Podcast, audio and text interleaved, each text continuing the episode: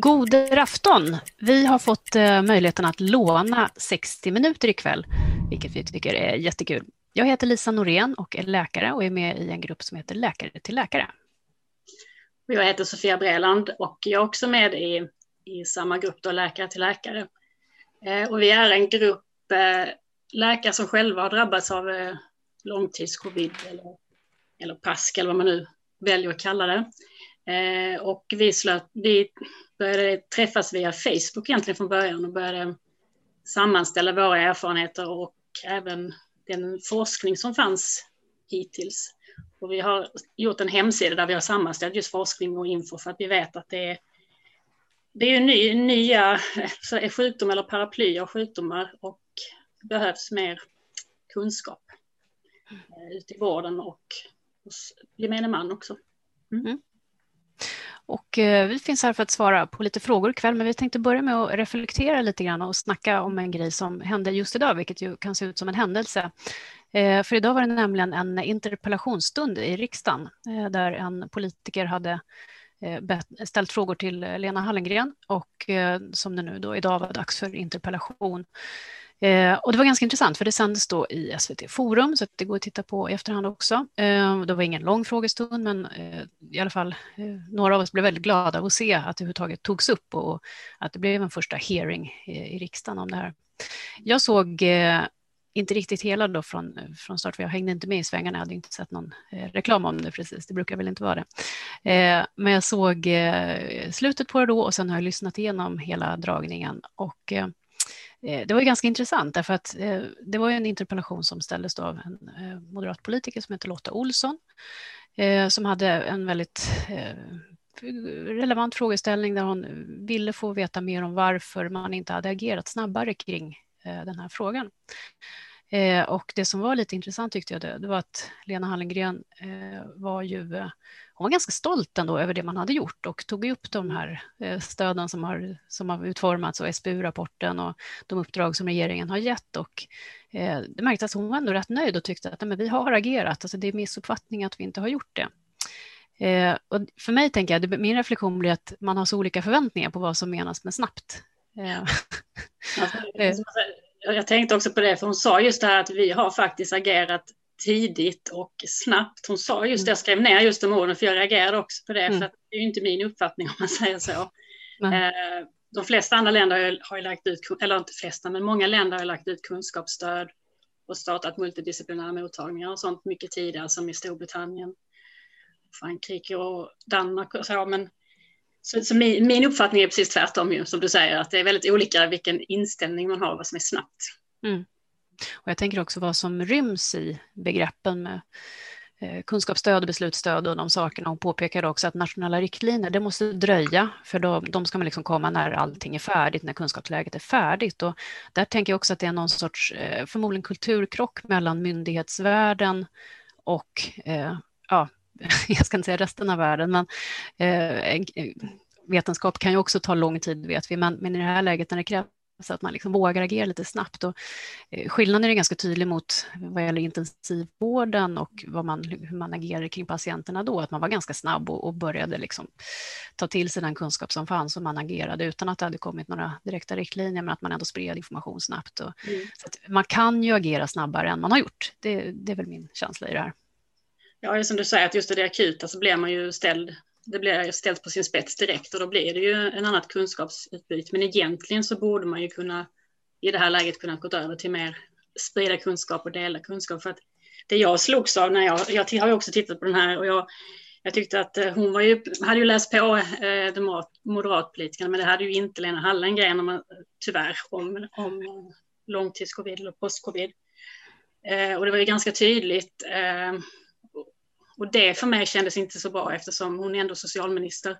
Mm. Eh, och eh, då känner jag att man ändå, när det är så här stor, en så här stor folksjukdom som det ändå riskerar att bli, för man tror ändå att det är, man vet ju inte, men det finns olika studier runt, man säger kanske runt 10 procent av de som mm. har covid. Eh, och då en lätt infektion är det ju, som du mm. vet. Men eh, som får långtidssymptom och då menar man ju 12 veckor som man sätter gränsen mm. och längre. Och då kan man bara tänka hur många det är i Sverige som drabbas och eh, att då inte vara mer insatt och vara mer på, på tårna när det nu mm. har gått ett år. Det, det, mm. det är lite oroande. Mm. Ja, men precis. Och det var väl min reflektion när jag jämförde första och andra lyssningen. Eh, att från början var jag lite glad att man överhuvudtaget pratade om det. Men sen när jag mm. lyssnade andra gången så tänkte jag, men vad är, det, vad är det som sägs egentligen då? Ja, men om man skärskådar det lite mer, eh, lite mer djävulens advokat så, så blir det ändå ganska tydligt att det var ganska vagt det hon uttryckte och nu kanske inte så att folk tar hennes uttryck som en sanning och när de ska lära sig mer om långtidscovid. Men eh, för det första att hon genomgående pratar om postcovid, vilket då mm. är den term som har lanserats av Socialstyrelsen och där Sverige skiljer ut sig jämfört med resten av världen. Där man i resten, eh, de flesta andra sammanhang väljer att säga fortfarande long covid eller eh, postakut covid-syndrom för att man kan inte riktigt utesluta att det finns så att säga, infektion kvar. Man kan inte säga det. Det är en gissning, eh, kanske, så det vet vi inte. Men, men att säga bara post antyder att det är avklarat och klart och nu ska vi gå över till någon sorts eh, läkningsfas. Så det, det, det, är inte riktigt den kliniska bild vi ser, utan vi ser att det är en, en återkommande sjukdom som går i någon typ av skov nästan. det är det som jag har sett också, alltså i det här kunskapsstödet och de som Socialstyrelsen har gett ut, där har man ju uttryckligen skrivit postcovid och särskilt ifrån för att infektionen är över, precis som du säger, så mm. vet man faktiskt inte det än. Mm.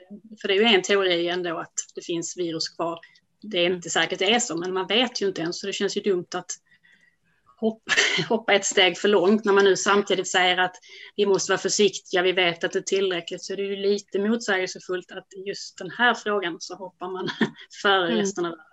Ja, Nej, för då blir det också att om man hoppar över det steget och går direkt på någon sorts postfas, då mm. tänker man rehabilitering och då helt plötsligt så blir det inte lika viktigt med utredning och diagnostik. Och det går ju tvärs emot vad vi är vana som läkare, att man ska ha en diagnos innan man mm. inleder en rehabilitering. Man måste ju förstå vad det är för system eller vilka system som felar för att kunna mm. erbjuda rätt typ av behandling och rehabilitering. Så det blir också lite tankefel och jag tror det blir, det blir farligt om man hela tiden pratar om post-covid för då kan det också antas inte vara så viktigt med den här lite mm. eh, mer skarpa diagnostiken, utan då blir det lite slarvigt och att man, att man säger långtidscovid om allting, vilket ju kan vara en fara. Och det tyckte jag Hallengren gjorde bra när hon ändå påtalade det att allt är ju inte långtidscovid utan det döljer sig andra sjukdomar i det här också. Det är, det är därför det är så viktigt att man utreder patienterna mm. så att man inte missar andra eh, cancersjukdomar eller andra inflammationer eller någonting som som är förklaring till det här, så att alla har inte det.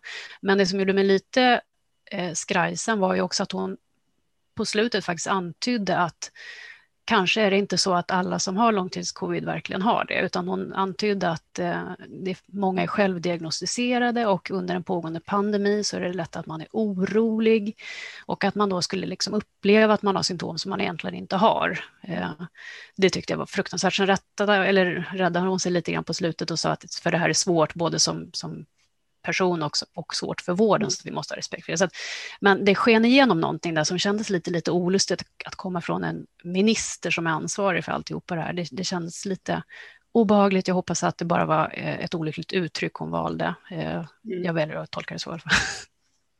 Du är snäll idag. Jag är snäll idag. Det får man vara ibland.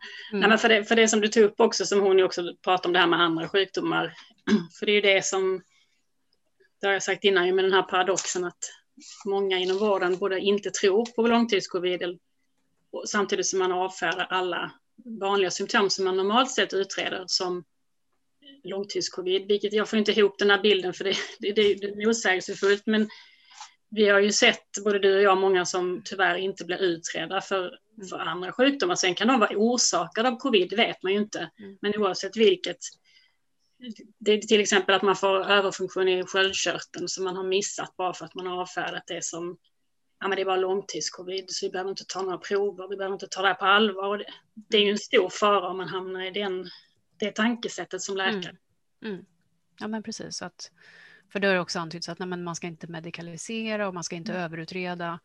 Eh, och där menar jag att det, är det större problemet då att man är underdiagnostiserad än överdiagnostiserad, helt klart. Och det, i vår läkaretik eh, så tycker jag att det bör ingå att man lyssnar noga på patienterna och sen vidtar de undersökningar som man skulle gjort om det här inte var en, en, mm. en covid-pandemi eh, och långtidscovid, utan man ska liksom ha kvar sitt tänk som man hade pre-corona. Mm. För det är ganska många som har symptom som skulle varit väldigt alarmerande då, som skulle motiverat ursnabb utredning som idag, nej men du, du, du bara lite orolig eller ja. orolig för din hälsa. Hälsoångest är ett begrepp som har blivit väldigt eh, omtalat nu och det, eh, det känns ju väldigt främmande, tänker jag. Mm. Sen ska vi komma ihåg att det är ju inte alla läkare som agerar så, utan det är kanske en del. Och jag, jag tar på mig snälla hatten idag, så får du vara bad cop sen. Men jag tänker att ja, det, det handlar väl också om mm. att det är svårt att göra ett bra jobb när man har det tufft och det är liksom taskigt resursat redan från början och sen kommer det här och så får man inga riktiga riktlinjer om vi inte menar nationella riktlinjer som säger svaret om allt, men vi menar någon typ av guidning i alla fall. Det kunde ha mm. kommit långt, långt tidigare eh, än det som kom nu här under våren och det var också bakgrunden till att vi eh, skapade vår hemsida langtidscovid.se för att ja, men någonting måste finnas. Precis. Och så många som ställde frågor och vi känner att vi måste sprida den kunskap som finns. Mm. Ja, för jag har liksom undrat det här, det som du pratar om det här med, eller snälla hatten, det här med att lära, det finns många som kanske vill avfärda eller inte medikalisera, alltså göra folk sjuka eller man ska säga. Det, det, finns ju säkert en tanke i det också att man, man vill inte göra folk sjuka om de inte är det. Eh, mm. Men samtidigt så är det ju här så pass stort att det, det är inte så att alla de här har blivit inbildningssjuka. Eh, det blir ju lite konstigt det har blivit en lite konstig förskjutning som du säger också, så att det behövs ju mer utbildning. Och sen tog hon, Lena Hallengren tog upp mycket också, hon sköt ju väldigt mycket på primärvården och det har man ju märkt att Socialstyrelsen också gör. Mm. Och du och jag är ju, är ju distriktsläkare. Mm. Vi vet ju hur tufft det var redan innan. Mm. Eh, rent, vi hade mycket ansvar, mycket, väldigt mycket ansvar för mycket utredningar och patient, väldigt sjuka patienter. Mm. Eh, och underbemannade. Så att det är ju mm. svårt att göra ett bra jobb. Och man då ska ta det, hela den här post-covid eller långtids-covid-gruppen så blir det ju väldigt svårt. Mm. Eh, men samtidigt har jag, är det ju lite tydligt att primärvården verkar samtidigt vilja hålla i gruppen, så jag, jag vet inte, men det kanske bara är vissa läkare. Jag vet inte. Men... Nej, men det var också intressant, för det tänkte jag på när jag lyssnade på programmet i efterhand. Mm. Att det hon sa då var ju att eh, de här nationella riktlinjerna och beslutsstöd skulle inte ses som guidning av enskilda patientfall, utan det var ju mer ett sätt för myndigheterna eller för, för regering och riksdag att, att visa var patienterna skulle tas om hand och därmed var resurserna skulle finnas. Och det hade jag nog inte riktigt förstått för nu, att det kanske är det som är grejen, att om man inte säger att man vill ha patientgruppen så kommer pengar tas från en och, och läggas någon annanstans och då vill man hellre ha det.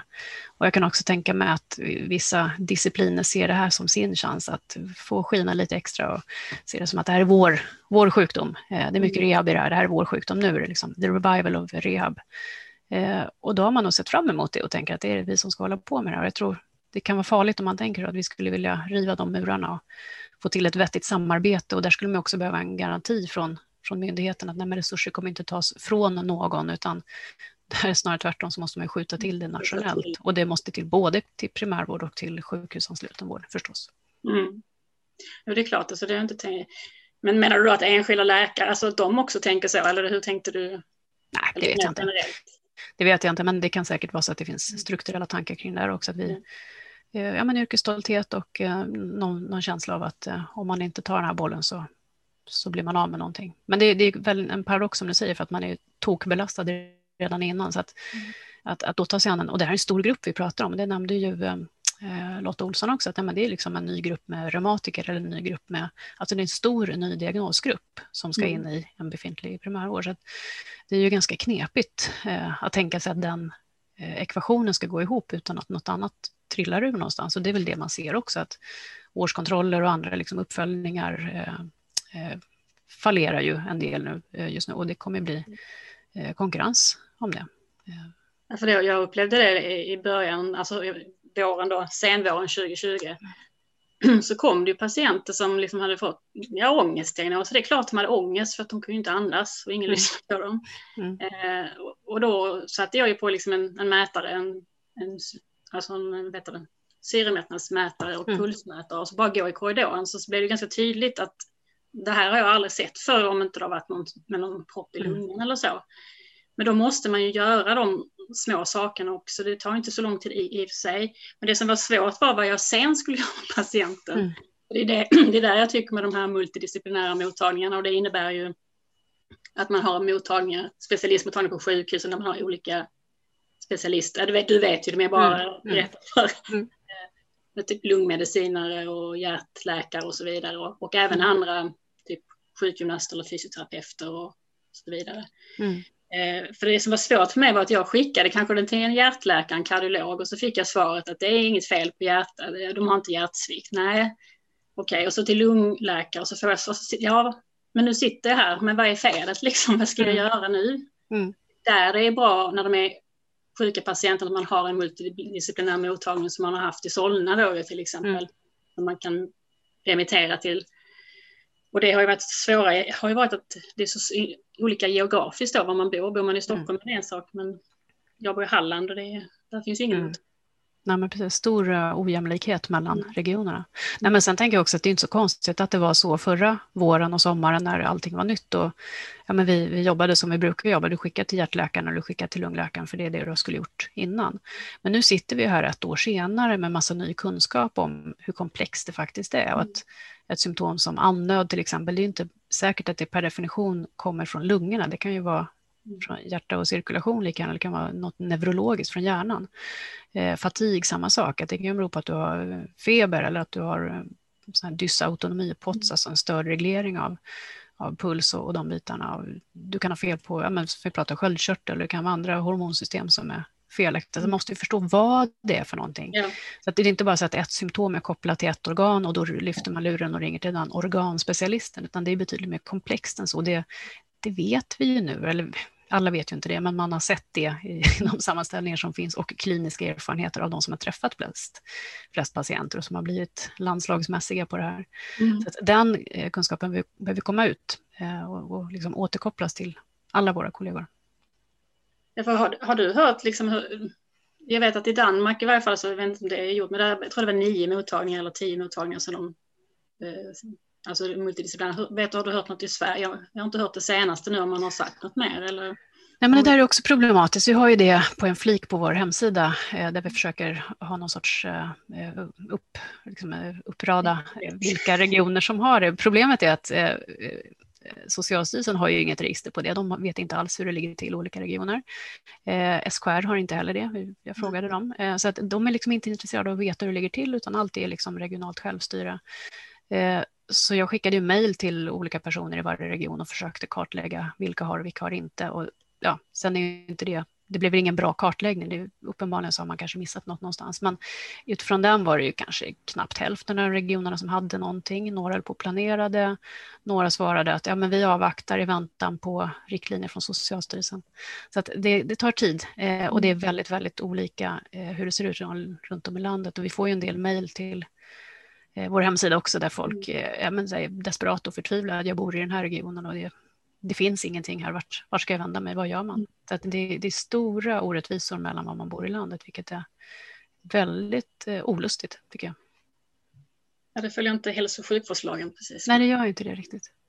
Eh, det som jag tyckte var det klart bästa och finaste i den här frågestunden idag var i alla fall avslutningen och där eh, Lotta Olsson nämnde att hennes uppfattning var att man skulle lyssna på patienterna och att när de upplever att någonting är ett problem, någonting är fel och annorlunda så är det oftast det att det är en ytterst liten eh, andel som söker uppmärksamhet eller som på något annat sätt vill få ut en eh, vinst av det här, utan hennes medskick var att man, man ska tro på den här patientgruppen och agera därefter. Och det tyckte jag kändes väldigt eh, fint att höra. Jag hade älskat att höra det från eh, socialministern också, men det kanske kommer nästa gång. Mm, man kan inte föra, men det är lite roligt för att du har reagerat på exakt samma saker som jag faktiskt. För det tyckte jag också just det Alltså hon betonar ju verkligen det här, för det har ju mm. varit mycket debatt liksom att om det är en sjukdom eller om det inte är en sjukdom eller om det är flera sjukdomar. Så det är klart mm. att det var jag tyckte det var också som du sa att det var en väldigt bra avslutning att lyssna på.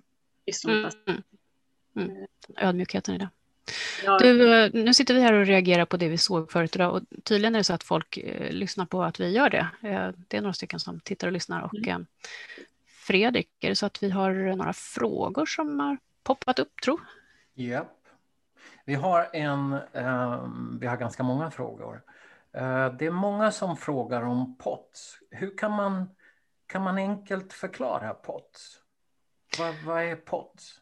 Det är, alltså det är, man kan säga att vad det beror på, det är på något sätt, det finns något som heter autonoma nervsystemet, det är det som styr, eh, det är som inte är viljestyrt, som styr hjärta och så vidare.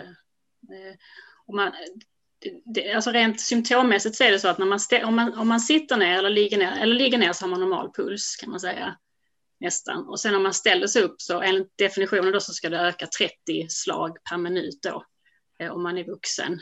Och man ska, man ska inte ha blodtrycksfall, alltså så man ska inte, utan och till exempel jag, jag har ju de symptomen så att när jag ställer mig upp så får jag, jag jättehög puls och så fort jag rör mig så blir jag, ökar pulsen och jag blir yr.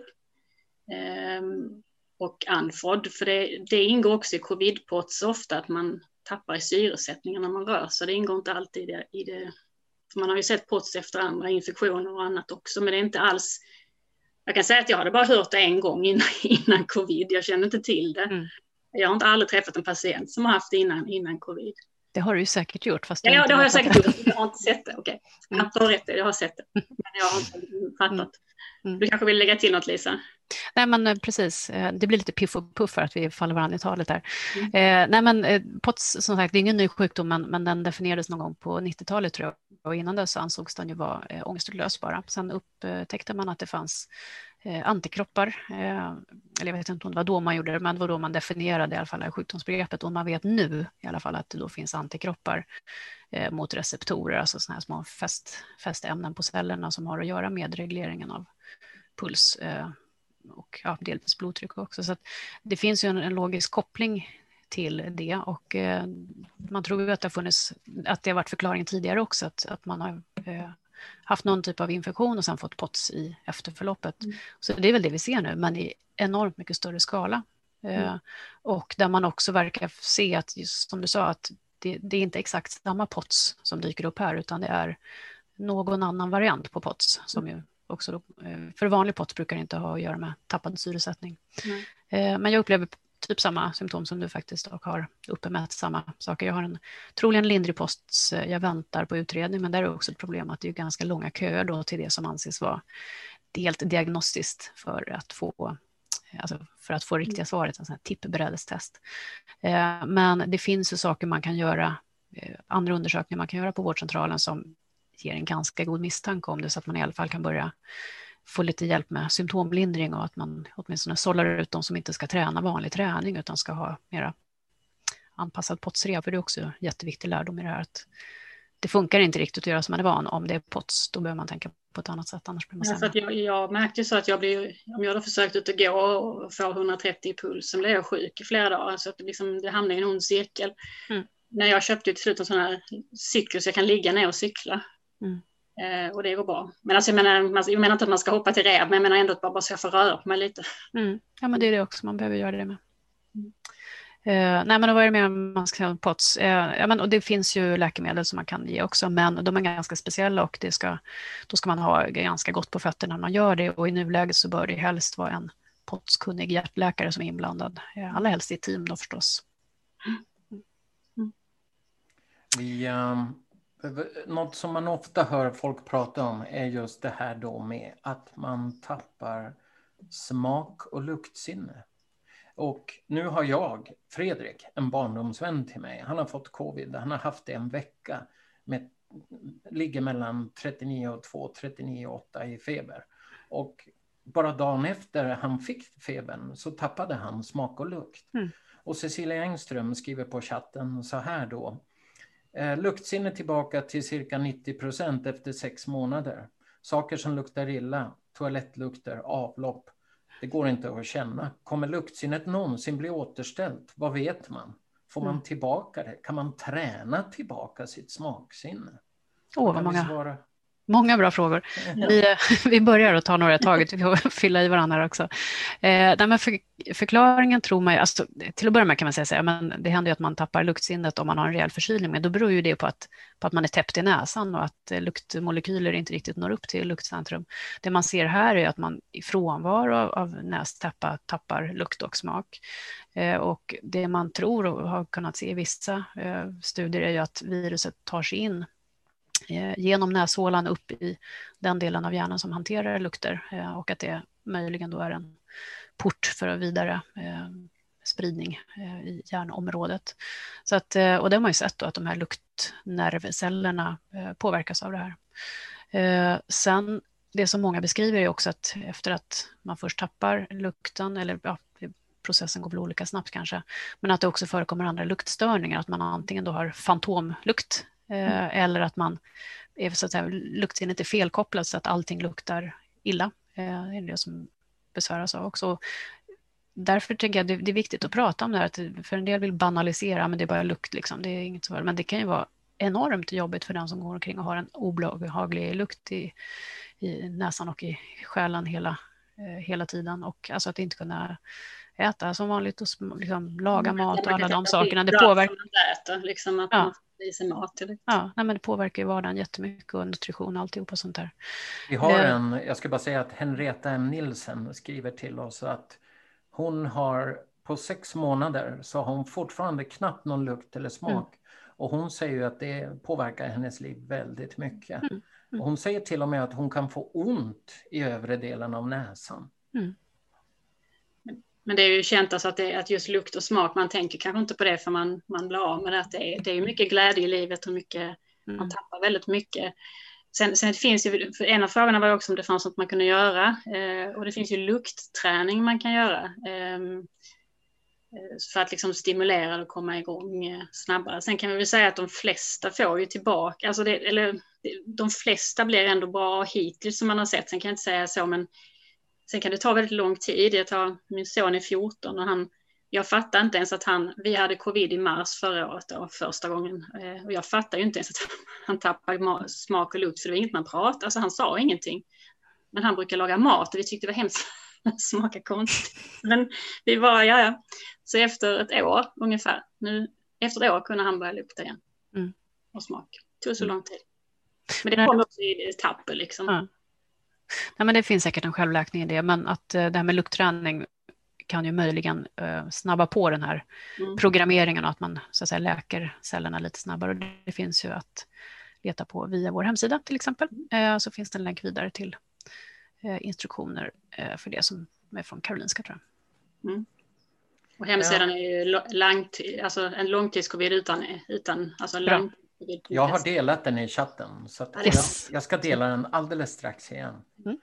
Uh, det är lite kul, det, det, det, kan ju komma lite tips om huskurer. Och Jonas Walfrid vill delge alla en huskur, får se vad ni tycker om den. Han säger, min dotter spolade näsan några dagar med koksalt när hon blev smittad. Hon fick tillbaka luktsinnet efter några dagar. Mm. Ja, det, kan inte, det skadar ju inte. Nej, men det alltså, tänker jag också det är liksom... Ja, det är, det är, alltså, om det är ofarligt så känns det som att då kan man väl testa. Alltså, mm. Men jag kan ju inte säga att det, att det, att det, alltså, har man en riktig infiltration av virus och, och så, så tror jag ju kanske inte det tar bort det. Kan ju, det är svårt att veta för att det går ju väldigt mycket upp och ner. En del blir ju inte av med det mer än kanske någon dag. Eh, så att ja, jag vet inte vad du säger Lisa. Nej men alltså att skölja med koksalt är ju bra för diverse olika tillstånd. Det kan ju också vara bra om man har tendens till bihåleinflammation och sådana saker. Så att det är ju allmänt bra och det, det har vi sett, det kan vi bara flika in här, det har man också sett eh, kring långtidscovid att man kan få svullnader i bihålorna och det är förmodligen också en del av det här eh, att man då får kärlinflammationer på olika ställen och att eh, ja, blir det då svullet i dem och så blir det trångt och så får man ont. Så kanske kan det då hjälpa till att man sköljer lite grann och får slemhinnorna att bli lite mindre svullna, eventuellt. Sen har man ju sett också att det, alltså det är lukt, luktbulben som sitter liksom uppe här inne i bak eller vid näsan där. Där finns ju väldigt många av de här eh, alltså receptorerna, så säga, där, där viruset dockar in. Det finns ju väldigt mycket i just de cellerna, så det är naturligt att det, att det är det som drabbas väldigt ofta. Mm. Jag måste också passa på att säga, vi har 197 tittare. Eh, jag ser i mitt chattfönster att det kommer massor med hjärtan och blå tummar som flyger när ni pratar. Mm. Det tar vi som ett tecken på att folk tycker att samtalet är intressant. Tack för det. Aftonen. Eh, Sofia, jag tänkte på det du pratade om din, din son och mm. då, då frågar Sara Lind, kan barn få POTS? Vad vet man? Alltså jag, barn är ju ännu mindre utforskade än vad vuxna är, men det finns väldigt många barn som har likna, likadana symptom som vi har. Eh, och jag vet inte hur känt det är egentligen, men det finns ju en studie i, som man gjorde i England, det var i sig efter fem veckor bara de mätte och då hade 13 till 17 procent av barnen symptom. Men det var efter fem veckor så det var inte så länge. Men annars räknar man ju att, med, att barnen får kanske ungefär lika utsträckning som vuxna. Eh, mm. Det är som sagt inte bekräftat än, men man kan få även brottsliknande mm. besvär. Mm. Ja, men det stämmer, för det, det, var ju vad de sa på amerikanska webbinarierna redan, i, ja, redan förra året. Att de såg ju att eh, tonåriga barn är ju liksom ofta fysiologiskt att betrakta som vuxna och hade samma typ av eh, avvikelser som deras vuxna patienter. Däremot de mindre barnen hade ju mindre ofta det och hade kanske oftare andra eh, sjukdomsbilder. Mm. Eh, men utan att säga för mycket så känner vi väl igen ett fall med en, en någon i vår grupp som har ett barn som verkar ha POTS. Så att, eh, det är inte diagnostiserat men det verkar ju misstänkt. Sen har man ju sett också att ofta, och det kan man ju tänka att det kan vara något genetiskt eller hormonellt, att ofta så har mamman och, och döttrar ofta som har, eh, som har långtidscovid eller så. Så det, mm. det, kan man ju tänka att det är något genetiskt eller något mm. hormonellt. Mm. Det är ju lite övervikt för, det är övervikt för kvinnor som har eh, långtidssyndrom. Mm. Ja, och den genetiska komponenten är ju intressant, eh, inte bara i frågan om ärftlighet utan också i fråga om, man kan se i vissa familjer att man, man vet att hela familjen har varit smittad, mm. eh, men, men någon är liksom typ asymptomatisk och får ingenting och någon får långtidssymptom. Så det är ju någonting, eller olika saker förstås, och det är så oerhört komplext. Det handlar inte bara om T-celler eller inte, utan liksom det är ju vi vet ju fortfarande bara en bråkdel av om hur våra genetiska förutsättningar styr mm. våra olika typer av funktioner och som sagt inte bara immunförsvar utan koagulation och, och liksom andra autonoma mm. funktioner. Så det, det tror jag man kommer lära sig mer om framöver men det kommer kräva enormt mycket datakraft för att, få, för att se de mönstren. Det är ingenting som man kan se med blotta ögat. Det, det, är en sak som gör att man vill ha de här multidisciplinära, liksom att samla patienten också för att samla data mm. inför forskning också, för det är ju det som är viktigt också, att vi samlar in så mycket som möjligt, så vi lär mm. oss. Och, eh, mm. Det jag skulle vilja ha, det är ju ett kvalitetsregister. Mm. Sverige är ju världsmästare på kvalitetsregister annars, tycker vi. Mm. Eh, så att, att inte någon redan nu har tagit initiativ och säger så här, men det här, det är klart att vi ska samla så mycket data vi kan och analysera det och försöka förstå vad som hjälper och inte hjälper. Eh, och se mönster. Eh, det gör mig också lite, ja, jag ska inte säga besviken för då låter jag sur, men förvånad kanske. Så att eh, ja, frågan om vi får ta lite patientpower och försöka göra något själva. På remiss svar, var det distriktsläkarföreningen? Det var någon som föreslog det här med kvalitetsregister. Mm. Som sagt, jag håller helt med dig. Det mm. behövs. Mm. Ja, om det inte var Läkaresällskapet. Kan det kanske var Läkaresällskapet. Ja, och de är ändå en ganska stor aktör, så då skulle man vilja säga yes, nu kör vi, nu mm. satsar vi lite grann på det. Så tänkte jag på det här också att eh, Vetenskapsakademin kom ju ut med nyligen också med en skrivelse där de tog upp just eh, långtidscovid mm. och vikten av att, att vi behöver liksom då, då, de, både informationsinsamling och ja, mm. regionala center. Mm. Lärande. Lärande. Mm. Okej, och nu ser jag en fråga som jag vet att ni vill kommentera. Den har kommit in via mail och den kommer just nu på chatten av Svanhild Kiki Hansen. Kan ni möjligtvis kommentera Hannes Kjöllers påstående om, håll i hatten, kultursjukdom? Varsågod.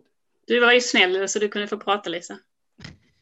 Jag tyckte vi sa innan att vi skulle liksom eh, att vi skulle vara liksom vuxna i rummet och vi skulle liksom inte eh, hänfalla till någonting. Nej, men så här, vad ska vi säga? Eh, att frågan ställs eh, antyder väl eh, att vi är på samma spår där kanske. Eh, det var ett program i eh, P1 igår, Vetenskapsradion på djupet, där de tog upp den här debatten och där kan jag säga, jag var med i programmet, jag eh, sa till den reporten då att jag tyckte det var helt absurt att överhuvudtaget debattera om den här sjukdomen finns. Alltså det, som att debattera om hästar finns eller att man skulle ha en debatt om benskörhet, liksom för eller mot benskörhet, tror vi på det eller inte. Eh, men det är också en, en del av den, den, eh, det klimat som har varit. Eh, jag tänker inte gå i polemik med eh, den här eh, krönikören, kan bara konstatera att eh, hon har sin uppfattning. den går så att säga inte riktigt i linje med vad resten av vetenskapsvärlden håller på att ta fram. Hon lutar sig mot några enstaka eh, uppgiftslämnare, någon, eh, ja, någon läkare i Norge som är övertygad om någonting annat och det finns även läkare i Sverige som har någonting annat. Men om vi tittar på vetenskapscommunityn så poppar det upp nya studier varje vecka som visar på biomedicinska avvikelser, mätbara grejer om man då mäter rätt saker, om man undersöker rätt saker. Så att, att det här är en medicinsk sjukdom eh, står nog klart för de allra flesta. Eh, och sen om man tidigt har valt en, en linje av att vi tror att det är en kultursjukdom, då kommer man att hålla fast vid det ett tag tills man ser att man är enormt överbevisad och då kommer man att glida undan lite grann. Så jag tänker att vi kan återkomma till den frågan lite senare om något år eller så eh, och återkomma, för jag tror då kommer hela den här debatten vara, det kommer framstå som lika fräsch som en övermogen avokado. Det är det som jag har varit lite förvånad, det har varit en väldigt eller det kanske bara att man har hört så mycket, men debatten i Sverige där också läkare varit inblandade också, mm. har varit förvånansvärt stor tycker jag. För att det, jag, det som de säger går ju inte heller egentligen stick i stäv mot, för vi har ju aldrig sagt att man inte ska titta på det. Jag glömmer allt annat, så kallar de det biosocialt, jag glömmer vad de använder för begrepp. Men, men alltså man tittar på hela människan när man, har, mm. när man är läkare, eller det gör i varje fall jag. Såklart, ja. Det handlar inte om att alla ska åka på MR, magnetkameraundersökning, det handlar ju om att hjälpa och då, då hänger ju allting samman. Så det är ju inte så att vi egentligen, vi har aldrig sagt emot att man ska se helheten, så jag förstår egentligen inte riktigt hela debatten. Men, men som du säger, vi får återkomma till det om några år. Ja, nej, men vi kan bara återkoppla till vad Lotta Olsson sa i, i riksdagen idag. Då, att nej, men, man, man kan utgå från att de allra flesta som berättar att de har problem har problem. Mm. Eh, och att man, det är nytillkommet, det kom efter covid eh, och undersöker man och så hittar man saker. Mm. Ja. Um, då kliver jag in med en fråga till er. Um, Sina Söderberg undrar så här. Varför säger inte läkarkåren ifrån till FHM? Jag önskar att ni skulle ryta till. Ingen vill ju ha långtidscovid. Nu menar ju inte Sina ni som sitter här, för ni har ju som så att säga valt att ryta ifrån lite grann. Men vad tänker ni två om läkarkåren? Är ni nöjda? Tycker ni de hade kunnat ryta ifrån mer? Har de gjort tillräckligt? Vad känner ni? Vill ni kommentera det eller tar vi en ja, annan det vill, fråga? Nej, det vill vi göra. Jag vet inte, vill du börja eller ska jag börja? Alltså, jag kan säga att jag tror att alltså det, jag tror läkarkåren, jag har varit förvånad också över att det var så stor del av läkarkåren som egentligen slöt upp bakom Folkhälsomyndigheten, men det kanske är en del av samhället, jag vet inte. Jag, jag började väldigt tidigt att, gå, gå åt andra hållet. Um, så, sen är det också det att inom läkarkåren och inom medicin, alltså hälsovård överhuvudtaget, så det finns ju liksom en ingående... inte tystnadskultur, men vad ska man säga? Det har jag pratat med kompisar nu som inte är läkare eller inom sjukvården, att när jag ser en läkare på tv som står och säger att nu är det jobbigt, då hör jag att de skriker. Mm. Men jag inser samtidigt när jag pratat med kompisar att de har hört någon som har stått och lite försiktigt sagt att det är lite jobbigt. Men alltså jag inser vad det kostar den här personen att stå och säga det på tv. Mm. Så jag tror att vi inte riktigt talar samma språk. Och det har jag inte riktigt insett förrän i det här, hur stor diskrepans det är mellan... Men jag hade ju önskat att det var fler som, som sa till. Det har jag, har jag gjort, det hade jag gjort såklart. Mm. Nej, men jag tror, jag håller nog med om det att det finns eh, Alltså många kanske inte riktigt, alltså många är lojala eh, för att man är van att vara man är van att lyssna på vad myndigheterna säger eh, och i tider av osäkerhet så tänker man att vi håller fast i det vi har. Så att det finns väl någonting i det. Det finns väl en del också som behöver väldigt mycket evidens för det de gör och det är så vi är skolade att vi ska agera.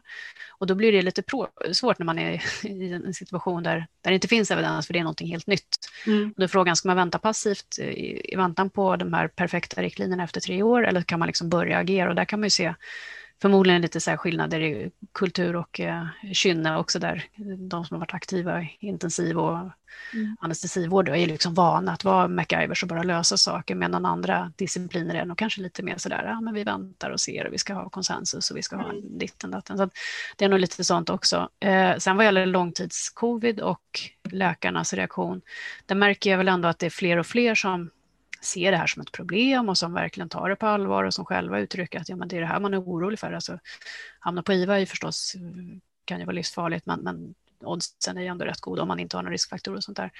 Eh, men att, att det här är någonting som verkar slå ganska många och eh, även om man inte har POTS som vi, så, eller det finns ju andra manifestationer man kan få också. Så att det, jag tror ändå fler och fler upplever det, men jag upplever också att hos en del så är det liksom att hälsan tiger still. Och så länge man inte själv har det eller har sett det hos någon nära det verkar också vara en vattendel. Alla som har sett det hos en vän eller släkting tror på det. De som fortfarande inte riktigt har sett det, ah, det är lite mer så här, vi har vaktar och det, det kan nog vara liksom, det är utmattning och det. Mm. Så, så det finns någon koppling där också, att see, seeing is believing. Att, mm. eh, och det är väl också, det är så vi skolade i, i läkarna, see one, do one, teach one. Har du inte gjort det så, så finns det inte. Nej. Men vi skulle också vilja se att liksom fler tog lite ställning för, för det här är som sagt en gigantisk ohälsobomb som tickar och det skrev vi i vår debattartikel i första december förra året. Det här är en tickande bomb, liksom. gör någonting nu, fort. Um, och vi fick ju viss, viss bra respons på det. Um, men det är inte, jag kan inte upp, liksom, jag uppfattar inte som att det är alla läkare har slutit upp bakom oss. och Vi upplever kanske inte heller att Läkarförbundet har tagit kontakt med oss och frågat hur stort är det här problemet, vad, vad ska vi göra för att se till att inte fler kollegor blir sjuka. Eh, man har varit lite avvaktande i det. Sen har man ju sagt att jo, vi ser också att det kommer bli ett problem. Och så, så, men jag upplever inte att man riktigt har klivit upp på eh, någon barrikad för det här, utan man, eh, man sitter still i båten och väntar på någonting annat.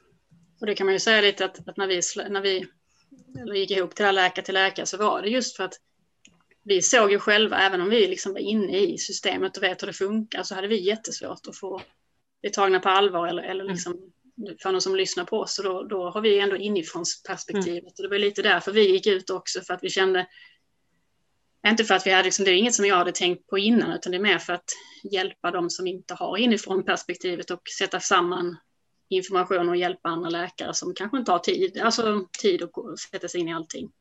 Mm. Så, och just det bekräftades ju faktiskt i en engelsk eh, intervjustudie när man har gått igenom en grupp med sådana som vi, då, läkare med långtidscovid och eh, djupintervjuat dem och frågat dem om deras upplevelser under sjukdomstiden. Och eh, då var det väldigt slående att det man ändå ville försöka göra, försöka skapa någon mening av det här genom att hjälpa kollegorna, genom att prata om det, skriva om det, försöka liksom bygga upp kunskap. Eh, för att det är så mm. vi är vana att arbeta också. Att ja. Den som kan lite mer om någonting sätter ihop ett PM, så brukar det vara på vårdcentralen. Mm. Så att fast det, det här är samma sak fast i lite större skala. Så att det, det är nog inte så konstigt att man gör det. Mm. en annan fråga då. För några dagar sedan så tror jag det var, det figurerade någon uppskattning på, var det 16 000 sjuka i långtidscovid? Mm, det var Ekot som hade gjort en rundringning förra veckan och kommit fram till den siffran. Ja, och jag, vad, hur ställer ni er till den siffran? Vad tror ni idag om hur situationen kan se ut i Sverige? Eh, ja, men det är en siffra som är betydligt högre än den som Socialstyrelsen har tagit fram tidigare. Eh, jag tror i mars pratade man om 6 000 eller något sånt där. Eh, likväl är ju den här siffran orimligt låg. Eh, det skulle antyda att vi, om man räknar med som du sa förut Sofia, att ungefär 10 procent får långtidssymptom, eh, så skulle det tyda på att vi i Sverige haft 160 000 smittade och det går ju matematiskt inte ihop alls, utan det är ju snarare så att vi har en miljon bekräftade fall nu, stort mörkertal, verkligt antal smittade är väl en och en halv, två skulle jag uppskatta om man räknar baklänges utifrån dödlighet. Eh, så att i själva verket så är det nog, det är en 10 potens fel. Eh, så det betyder att i nuläget så har 16 000 fått den här diagnoskoden. Det är en enorm underdiagnostik. Sen ska man säga att siffran baseras ju då på det de kan få fram från register och då handlar det om de som haft kontakt med sjukhusvård, alltså inneliggande eller öppenvård på sjukhus. Man har inte fått fram siffror från primärvården, tror jag. Du får rätta mig om jag har fel där. Så det, det, det, så jag uppfattade det. Eh, Folkhälsomyndigheten kom ju ut med en antikroppsstudie. Sen, jag, sen har jag, jag, jag tyckte inte studien var så bra, men om man bara går på vad den säger, den kom ut nu 27 april eh, och de var mött från i mars då. Mm. Och då var det ungefär 20-25 procent och det, det, som var lite slående var att barnen nästan hade högst andel antikroppar. Men då handlade det om som hade antikroppar i mars. Eh, och då mätte man i åtta regioner. Och det var ungefär 4 eller 5 000 prover under två veckor. Mm. Då var det 20-25 procent.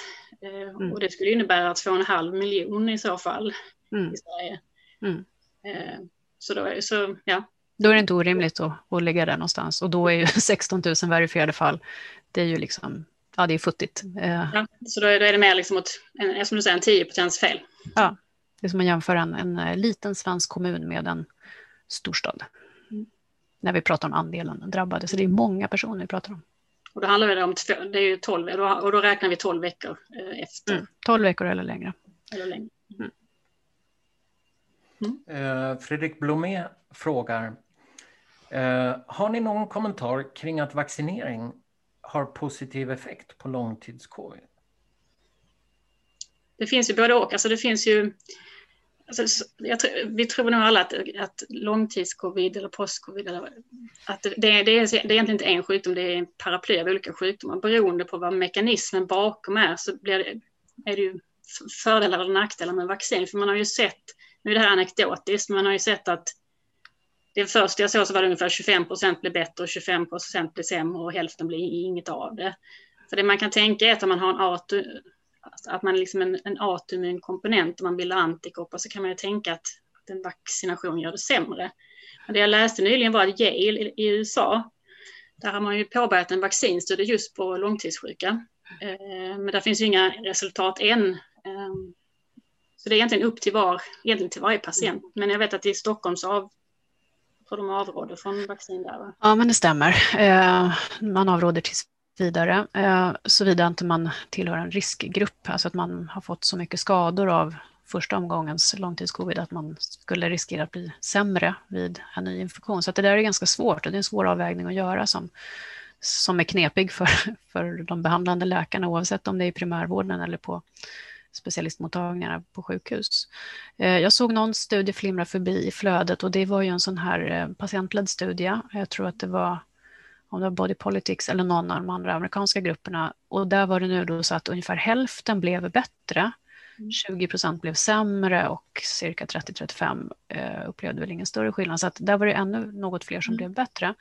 Eh, problemet är, när jag diskuterade det här med en kunnig person, eh, så sa hon att de data de hade sett tydde på att man blir bättre, men att det tyvärr är övergående och att det tenderar att komma tillbaka.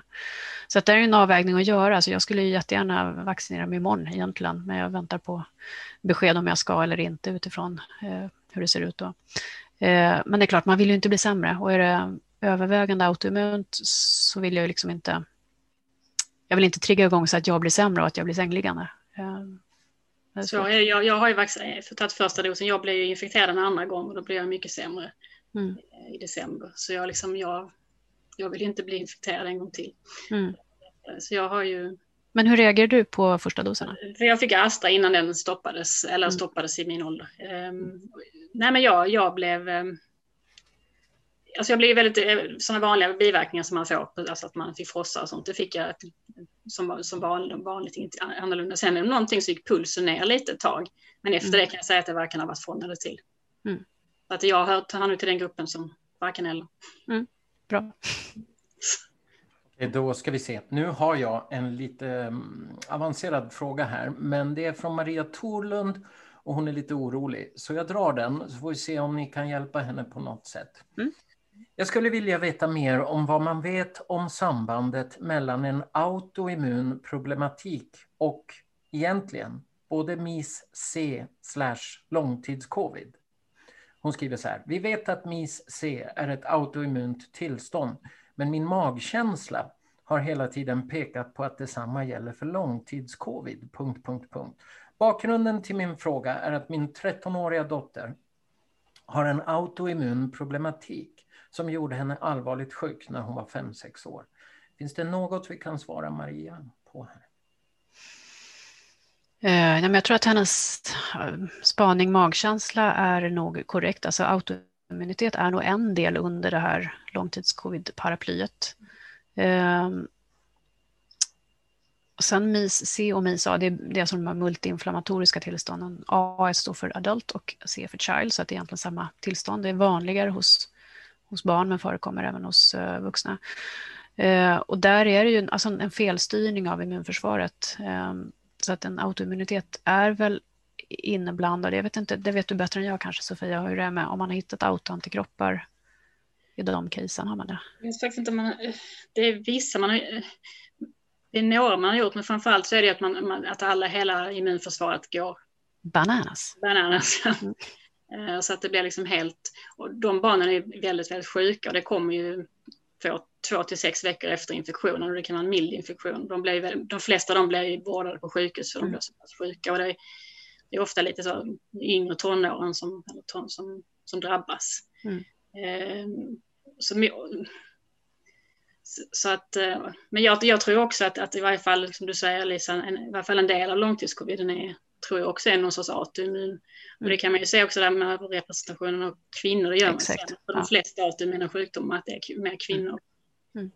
Där är också så att eh, man pratar ju ofta om att ja, långtidscovid det är tidigare friska och man är liksom pigg och aktiv. Det är ju inte riktigt alla som det är så. Alltså många är ju det. Man, när man skrapar lite på ytan så visar det sig att en hel del har ju faktiskt någon autoimmun sjukdom i bagaget eller att man har ärftlighet för det så att man liksom kanske har varit på gränsen till att utveckla det men att det här puttar den i den riktningen. Det är ganska många som som faktiskt har det. Så att, eh, och, och en 13-åring, ja men det sa vi tidigare, att då är man ju ja, mer vuxen än barn ofta. Mm. Så att det är inte alls orimligt och med en sån eh, historik då med 5-6 års åldern och en allvarlig autoimmun sjukdom så känns ju det som en ganska rimlig delförklaring i det här, i alla fall. Jag hoppas att du har kontakt med barnläkare. Den verkar också som man kan, att det kan utlösa andra autoimmuna sjukdomar som alltså typ mm. Sköldkörtel och, och binjurar som är kortisol. Mm. Så, så att det, det är ju någonting som blir fel i systemet om man ska säga mm. så. Det kan ju vara att man har som du säger en en benägenhet att ha det sen innan eller mm. en sårbarhet i sitt system för det. Mm. Mm. Hörrni, jag ser en fråga på chatten från Sofia Pling, Plinglan. Och det här är en fråga som ofta kommer in till Vetenskapsforums mailbox. Finns det kriterier som ska vara uppfyllda för att man ska få diagnosen långtids-covid? Alltså det, det är 12, 12 veckor, alltså det, det beror på vilka man går efter, men 12 veckor som är symptom. Sen så som det är nu så behöver man inte ha haft ett positivt PCR-prov eller antikroppar, utan att det mer ska komma i relation till en misstänkt covid-infektion. Mm. Om det inte har ändrats på senaste veckan. Uh, sen finns det ju inte, det finns ju inga sådana kriterier. Det finns en uppradning av olika symptom som är vanliga, men det finns ju inte så att man ska uppfylla fem av nio. Utan mm. det, det, är ju det som är det lite svåra också, för det blir ju diffust. Och då är det ju klart svårare för alla att både diagnostisera och veta vad som är mm. vad. Jag kan flika in där att jag vet att WHO jobbar med den frågan nu och vi har representanter från Sverige som är med och eh, råd eh, mm. ger dem, bland annat Judith Bruchfeldt. Eh, så att det, det, är på gång och jag vet inte riktigt vad timeline är där, men det ska göras så att det finns en internationell konsensusdefinition. Eh, så att, eh, och det är bra. Problemet är att vi skulle behöva någon typ av definition att jobba med så länge, som var liksom tydlig och fastställd. Det finns ju en ganska bra definition som jag tror är värdefull att använda och det är från franska myndigheten, motsvarigheten till Socialstyrelsen. De definierar att, att besvären börjar vid fyra veckor och inte tolv. Alltså man har sett att ja, men, har man det då så är det oftast att det hänger kvar. Mm. Eh, att det ska vara en bekräftad eller misstänkt första infektion med covid. Det, ska, alltså, det kan vara att det är bekräftat med prover, men det kan också vara misstänkt, det vill säga att de i din familj var sjuka och någon annan testade positivt eller att någon har tappat lukten eller så. så att, och sen att, visst, att man uppfyller ett visst antal kriterier så att man kan säga att jo, men du har haft en första infektion och nu har de här symptomen kommit och det har varit mer än fyra veckor och det här fanns inte innan. Eh, ganska hjälpsamt att, att ha någon typ av sån definition att hålla sig till och eh, Socialstyrelsen håller på och jobbar med sina riktlinjer. Eh, jag tipsade dem om att det här fanns att titta på utomlands, men de tackade för intresset men sa att nej, vi väljer att eh, invänta WHOs internationella konsensusriktlinjer istället. Eh, och jag ställde frågan, är det inte bättre att ha någonting än ingenting under tiden? Och de sa, nej, vi håller inte med. Men då, vi har sagt att, eller jag, jag gav ett vad, att om om det ändå blir någonting som liknar de här franska riktlinjerna, då är de skyldiga mig en tårta. Och blir det något helt annat så är jag skyldig dem en tårta. Eh, de, svarade, de svarade att de tyckte inte om tårta. Men, du, men, men, du, men det finns väl, det finns ju eh, länkat från hemsidan till ja. de så där kan man ja. komma åt om man vill titta och få lite vägledning själv. Om man nu har en annan åsikt än att man inte vill invänta WHO så kanske man kan få lite riktlinjer själv. Det står på langtidscovid.se under eh, rubriken om långtidscovid. Där står de, den definitionen. Vad synd att de är så negativa till tårtor, därför att jag har ju en tilltro till tårtans läkande och helande kraft. Ja, om det är sant för dig så. Apropå det så tror jag att jag har en fråga som känns lite som en, en som följer upp det där eller tangerar det här lite grann. Malin Norby skriver så här. Jag upplever att lång-covid är väldigt känsligt i Sverige. Som en gigantisk elefant i rummet som inte gärna berörs. Eller som FHM då, som säger att det inte är en folkhälsofråga, till mm. exempel. Fortfarande kan man som patient möta sjuksköterskor, läkare, fysioterapeuter etc. som i patientmötet uttalar saker i stil till en som att de inte tror på det här med långtidscovid. Vad tror ni två att den här elefanten i rummet beror på? Man kan säga pass på en fråga också. Nej, men det, Börjar du Lisa? Vi skulle vara snälla. Nej, men alltså mitt korta svar är väl att om långtidscovid finns eh, i den omfattning det gör så är ju det tecken på eller inger misstanke om att vi har valt en väldigt dålig linje i vårt land när vi liksom har släppt fritt. Eh, och jag ska inte sylta in mig för mycket i det, men jag kan väl bara säga att jag tycker att det här sjuklighetsperspektivet har ju saknats hela, hela tiden. Eh, det har varit fokus på hur många som är döda och hur många som ligger på IVA, men man har ju inte tänkt på frågan om resttillstånd och långvarig sjuklighet. Eh, och då blir det förstås pinsamt om, om det faktiskt är så att det här finns. Och sen är vi tillbaka på det vi pratade om tidigare med lojalitet och att man, man håller sig till sina myndigheter och det är för många är det svårt att ändra uppfattning också. Det krävs ju rätt mycket för att man ska byta ståndpunkt. Mm. Så jag tror det handlar om det, att det är för jobbigt att, att inse att det ser ut så här. För det här, det här började ju synas redan för, för ett år sedan, liksom, ungefär, alltså lite längre fram. Så börjar man ju ana det här, det kom ju rapporter tidigt om, om de här långdragna. Så alltså, det som du säger Lisa, att jag tror ju att den svenska strategin är ju, skiljer sig från resten av världen och den tar in, det är ju hemskt nog med döda, men mm. tar man in det här också så finns det ju inga, inget som säger att annat än att det här har varit en, egentligen en katastrof. För att det här handlar ju ofta också om relativt unga, i alla fall liksom folk som är i arbetsför ålder. Mm. Och helt samhällsekonomiskt, om man nu ska strunta i patienterna, så är det också en påverkan om inte vi kan jobba. Ehm, mm. Så att, ehm, och som du säger sen att man kanske är inne på myndigheterna och så länge inte de erkänner eller, eller tar fram det så mm. väljer man att blunda. Mm. Men jag vet, jag vet inte heller svaret på den frågan mer än så. Mm. Men eh, då vet vi ju att, att Anders Tegnell var det på en presskonferens som svarade att um, långtidscovid är inte en folksjukdom. Har de ändrat sin syn på det här? Han sa väl ordagrant, han fick väl frågan om det var en folkhälsofråga, tror jag han fick frågan och sa att det är en sjukvårdsfråga. Så det är väl ett sätt att, om man vill revidera historien någon gång kan man ju säga det. Eh, nej, jag tror det kommer visa sig vara folksjukdom. Eh, de kanske har uppfattningen att just nu är det ju inte det, för det är liksom inte ett klarlagt kroniskt tillstånd, det är bara att man har varit sjuk ett år. Eh, men det är ingenting som säger att man kommer vara det livslångt. Nej, förhoppningsvis inte, men vi vet ju inte riktigt. Och det bygger på att man hittar behandling och att man ökar lärandet och ökar forskningen. Eh, det är klart att det här kommer vara en folksjukdom.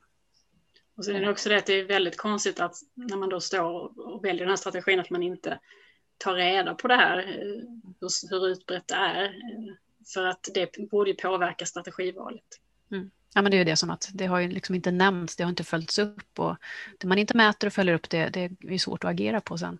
Men bara som en flik, flika in där också, att men redan, redan när, när pandemin startade så visste vi ju att det fanns resttillstånd efter tidigare mm. sars-infektioner. Det visste man ju, det fanns ju data på det. Så att, att, man då tänkte att det är som en influensa eller en förkylning, det var ju liksom fel. För S i sars eh, står ju för severe, mm. det är allvarligt. Mm. Eh, det visste vi redan då. Eh, så att det, det, har liksom blivit ett feltänk som har hängt kvar och där mm. man kanske inte har... Det kanske inte har varit så lätt att säga ifrån heller. Jag vet inte hur, hur högt i tak det har varit på myndigheten om, om man har kunnat göra sin röst hörd och säga att men hörni, vi borde andra spår här eller om det är så att, att det har varit en fullständig konsensus. Jag vet faktiskt inte. Men äh, det fanns tecken tidigt på det, men man har inte velat se det, tror jag. För det är ju så att Socialstyrelsen kan inte komma åt alltså, vårdcentralernas diagnoskoder, men man kan, man kan kontakta varje region och få ut mm.